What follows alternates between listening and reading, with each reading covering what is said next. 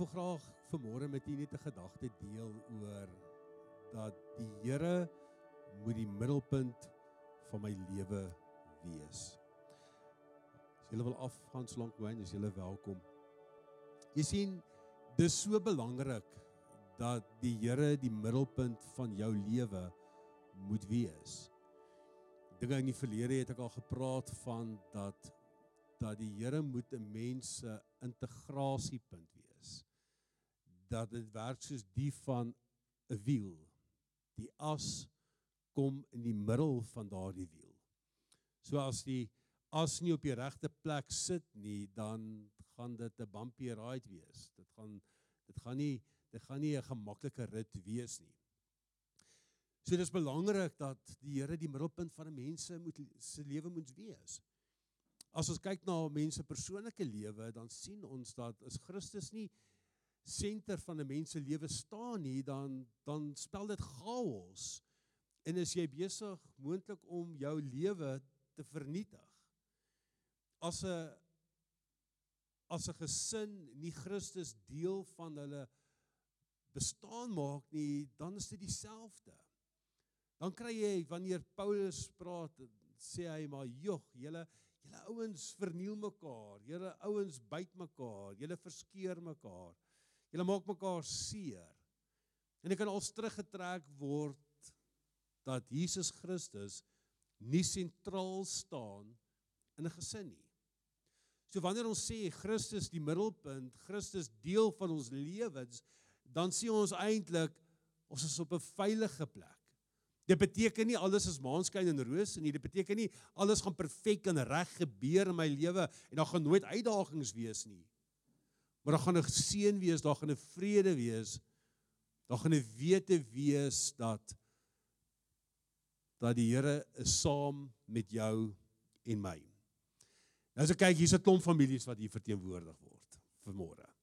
En as ons 'n bietjie inzoom op hierdie families, dan um, gaan ons vir mekaar eerlik en reguit sê dat hier is nie een perfekte of volmaakte gesin nie. Is jy dalk eene? Is daar dalk een? Jy kan jou hand opsteek met groot vrymoedigheid as jy wil. Maar ek dink meeste van ons sê sal sê dat dinge gaan nie altyd soos wat dit moet nie. Miskien kan jy vanmôre hier sit en jy kan dalk sê, "Sjoe, dankie tog. Die ou wat langs my sit vanmôre in die kerk is nie dalk my buurman nie, want hy sal dalk 'n sekere paar dinge al gehoor het en optrede gesien het of dalk 'n hond wat huil en nou sit ek in die kerk. So ons sê vandag van mekaar dat dat gesinne het het ook maar stikkenheid. Want hoekom? Want 'n gesin is saam gesit en ons bestaan uit mense. Ons bestaan uit ouers in middeljare krisisse en adolessente in elke fase van van groot word word word ook in jou huis dalk verteenwoordig. En dit maak dit interessant. Maar die Here het 'n begeerte dat dit met ons as mense, individue en as gesinne het hy die begeerte dat dit met jou en met my moet goed gaan. En as ons kyk na die woord, dan sal ons sien Joshua is aan die woord. En hy sê die volgende. Hy sê betoon dan nou eerbied aan die Here en dien hom met opregtheid en met trou. Sien af van die gode wat julle voorvaders ander kant die Eufraat en in Egipte gedien het en dien die Here. Of as julle dit nie goed vind om die Here te dien nie, kies dan vandag wie julle wil dien. Die gode wat julle voorvaders gedien het ander kant die Eufraat of die gode van die Amorite in wie se land jy woon wat my en my familie betref ons sal die Here. King Joshua sê vir die volk hier, hy sê julle moet 'n keuse maak. Hy sê julle moet vandag 'n besluit maak. Hy sê kies dan vandag wie julle wil dien. Dubbelpunt. Nou gee hy die opsie. Die gode van julle voorvaders wat ander kan die Eufraat wat hulle gedien het of die gode van die Amorite. Maar dan sê Joshua, maar wat my en my familie betref, ons sal die Here dien. Ons sal die Here dien. Ek dink wat ek probeer sê vanmôre is dat hoe verder jy van die Here af weg beweeg, hoe groter kans is daar dat daar moeilikheid en chaos in jou lewe gaan intree. Hoe verder 'n familie van die Here af beweeg, hoe meer stel hulle self bloot aan aan allerlei ander invloede wat in hulle lewens kan posvat.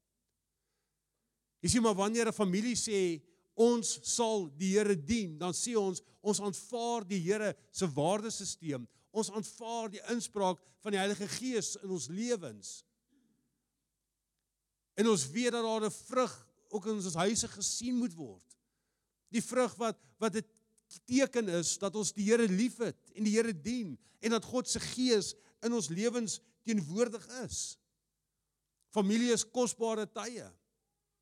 Familie kan ook hier wees waar ons saam as 'n geloofsfamilie is.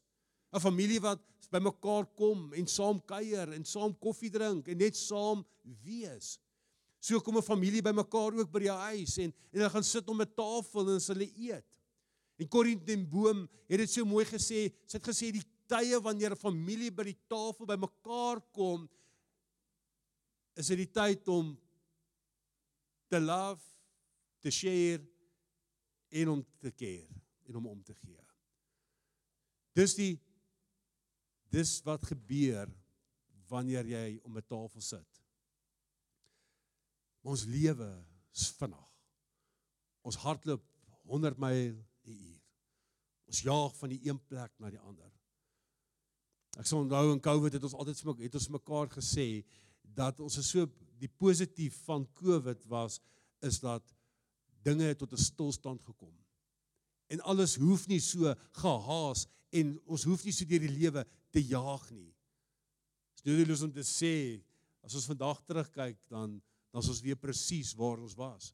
Ons is presies weer besig om daardie ratreis te hardloop. Ons is juis weer besig om onsself op sekere maniere weer uit te brand. Jy sien my vraag is wat gaan ons mense oorhou? Wat gaan hulle laat terugdink aan die huisgesin wat vandag hier verteenwoordig is? Ek kom ons sê vandag vir mekaar herinneringe is 'n baie belangrike faset van 'n mens se lewe. En hoe ouer jy word, hoe meer kry jy jouself wat jy terugdink aan sekere gebeure en geleenthede. In afgelope tyd was ek by 'n huis betrokke gewees waar ek eintlik maar groot geword het en vir baie jare nooit daar gekom het nie. En dan vang ek my baie keer dat as jy daar rondloop dan dan hardop jou gedagtes na sekere geleenthede en in spesiale geleenthede wat daar plaasgevind het. Was 'n goeie tyd in 'n mens se lewe en, en jy dink terug daaraan.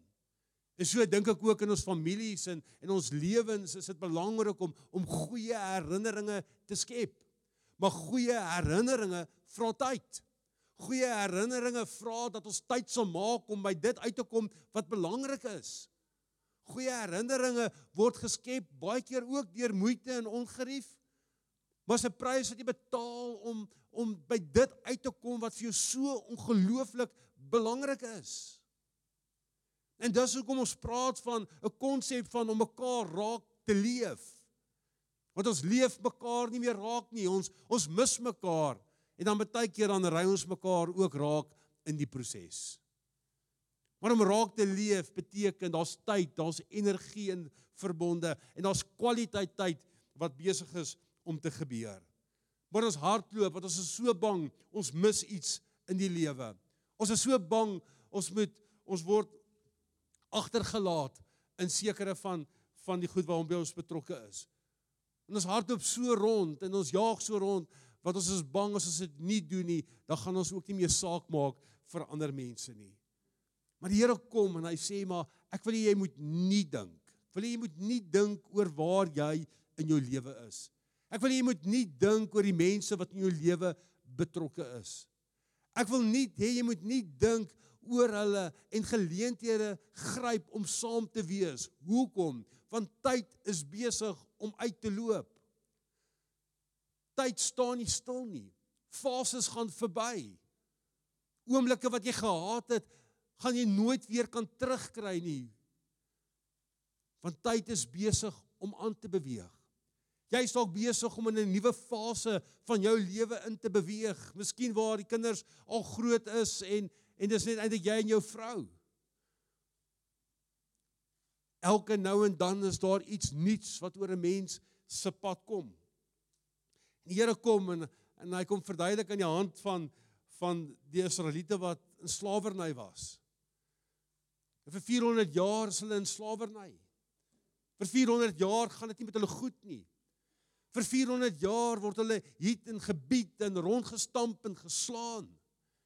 Vir 400 jaar is hulle beroof en gestroop van hulle identiteit en wie hulle is.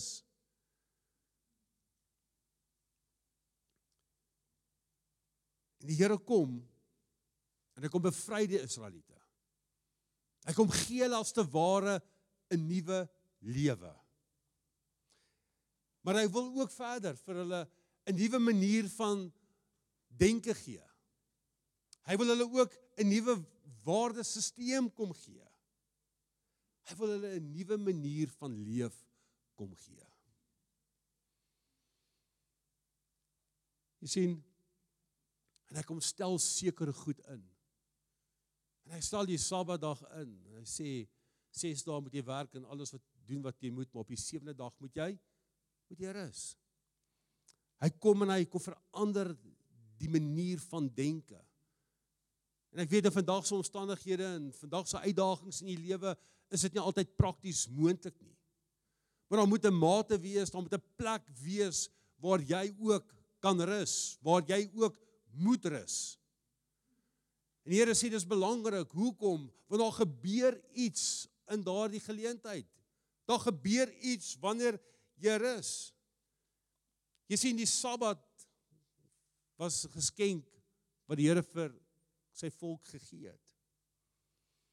En ons sien baie duidelik dat dat die Sabbat is 'n geskenk. Die Sabbat het die Here vir die mens gegee.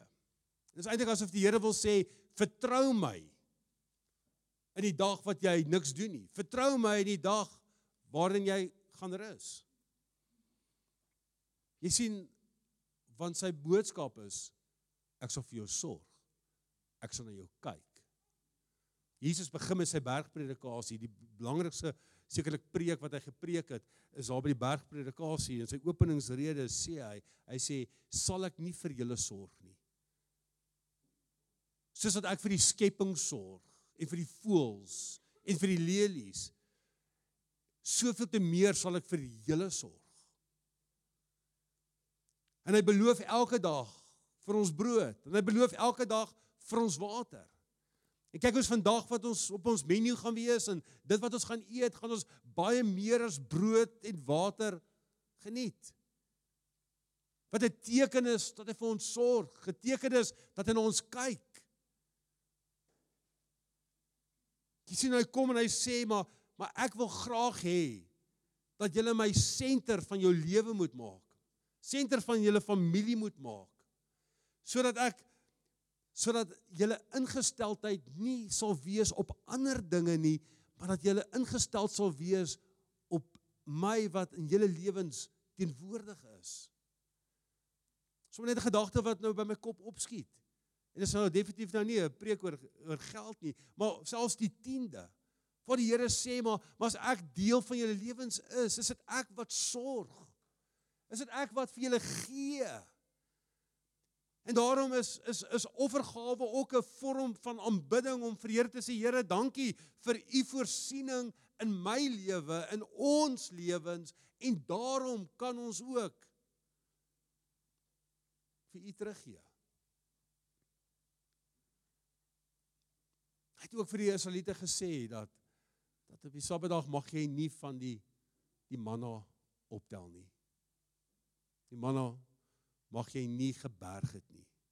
Jy moes net vir die dag opgetal het wat jy nodig het. Jy sien die Here wil sê ek sal vir jou sorg en ek sal na jou kyk. Hy wil vandag vir jou sê maak nie saak wat met jou gebeur nie, maak nie saak wat met jou familie gebeur of wat die uitdaging is wat jy het nie, ek sal met julle wees. Ek sal by julle wees. Hoekom? Want ek is lief vir jou. Ek het vir jou aan die kruis gesterf sodat jy my intimiteit kan kan beleef.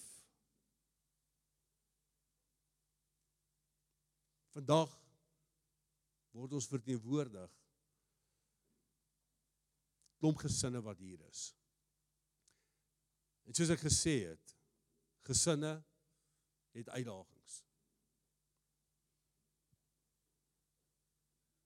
Maar elke gesin wat hier sit wat vandag sê ek en my huis ons sal die Here dien. Wil ek vandag vir jou sê is in goeie hande. Is op goeie plek. En wanneer ons hierdie lewe trotseer en ons stap hierdie pad en daar's 'n klomp uitdagings, dan weet ons waar is ons anker. Ons weet waar is ons skuilplek. Ons weet dat ons na die Here toe kan gaan en en dat hy ons pad vir ons sal uitwerk. Dat hy sal voorsien dat hy daar sal wees vir jou en vir my. Dat ons nooit sal begewe, nooit sal verlaat nie. Hoekom? Omdat ons vir hom belangrik is, omdat ons vir hom kosbaar is en omdat ons vir hom spesiaal is. Daarom wil ons die geleentheid skep vir môre net vir jou as gesin. En ons gaan dit so 'n bietjie anders maak want ons het 'n bietjie meer tyd om dit ook te kan doen. En ons dit gaan so werk. En ek gaan vra dat die mans vorentoe sal kom. En dat hy vir sy familie 'n broodjie en 'n kelkie sal neem. En dan wil ek graag hê jy moet na jou gesin toe gaan en moet hulle gaan verduidelik en sê dit is Jesus se liggaam wat vir ons gebreek is. Dit is sy bloed wat vir ons gevloei het. Dit spreek van God se teenwoordigheid in ons lewens. Dit spreek van die prys wat hy vir jou en vir my kom betaal het. Dit spreek vandag dat hy ons nie alleen agtergelaat het nie Maar dat hy soos wat hy sê in Johannes 14, dat hy vir ons 'n voorspraak gestuur het, die Heilige Gees om vir altyd by ons te bly. En vanmôre om ook hierdie nagmaal te kan vier, sê ons ook Here, dankie vir die teenwoordigheid in my lewe. Miskien 'n stap verder gaan en ek het dit nou nie ek het dit nou nie vooraf bespreek nie. Maar jy's redelik vas. Maar as dit is dat jy graag wil hê iemand moet vir jou bid of vir julle as 'n gesin bid. Dan wil ek vra om jy my moet help dat ehm um, Henny, jy my ook sal kan help. Ehm um, dat ons miskien net daar agter net staan en en dit sal ook 'n voorreg wees om, om vir jou as familie te kom bid. As jy enkel vandag is, kom haal vir jou. En soos wat jy daai broodjie hierdie kelkie gebruik, dra jy ook elke persoon vir wie jy lief is aan die Here op. En dank die Here dat hy ook sy lewe vir vir hulle afgelê het. Kom ons maak dit 'n 'n mooi geleentheid. Kom ons maak dit 'n dit is 'n heilige gebeurtenis wat hier plaasvind. Kom ons benut dit. Kom ons gebruik dit om om by die Here uit te kom net daar waar jy sit. Kom ons sluit die oë en kom ons bid saam. My Vader, U het vir ons 'n duur prys aan die kruis betaal. U liggaam is vir ons gebreek. U bloed het vir het vir ons gevloei. En daarvoor wil ons U eer vermoë want deur die dood het daar vir ons lewe begin. Deur die dood Here u vir ons gehelp om die sleutels aan die doderyk te gaan haal.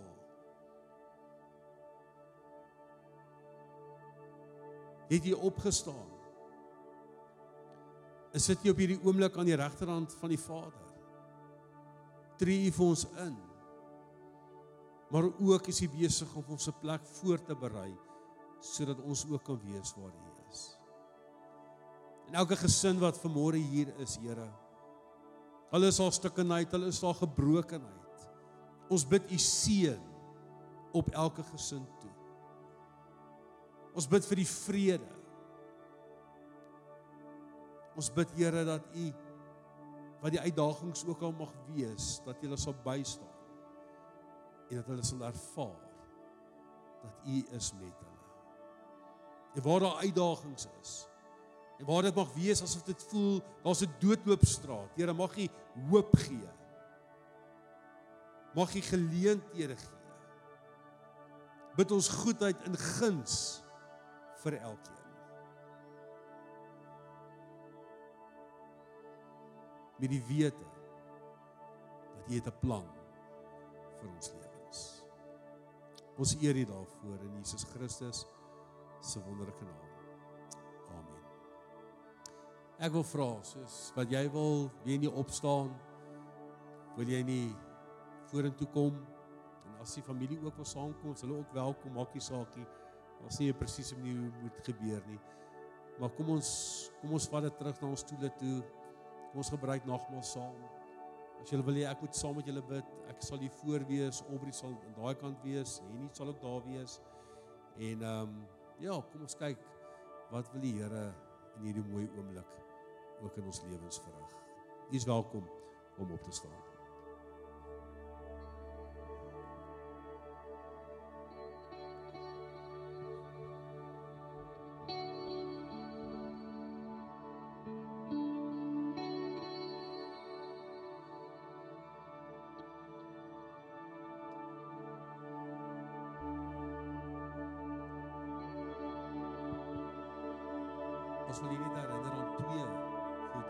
Een is is nie die tafel van die AGS nie.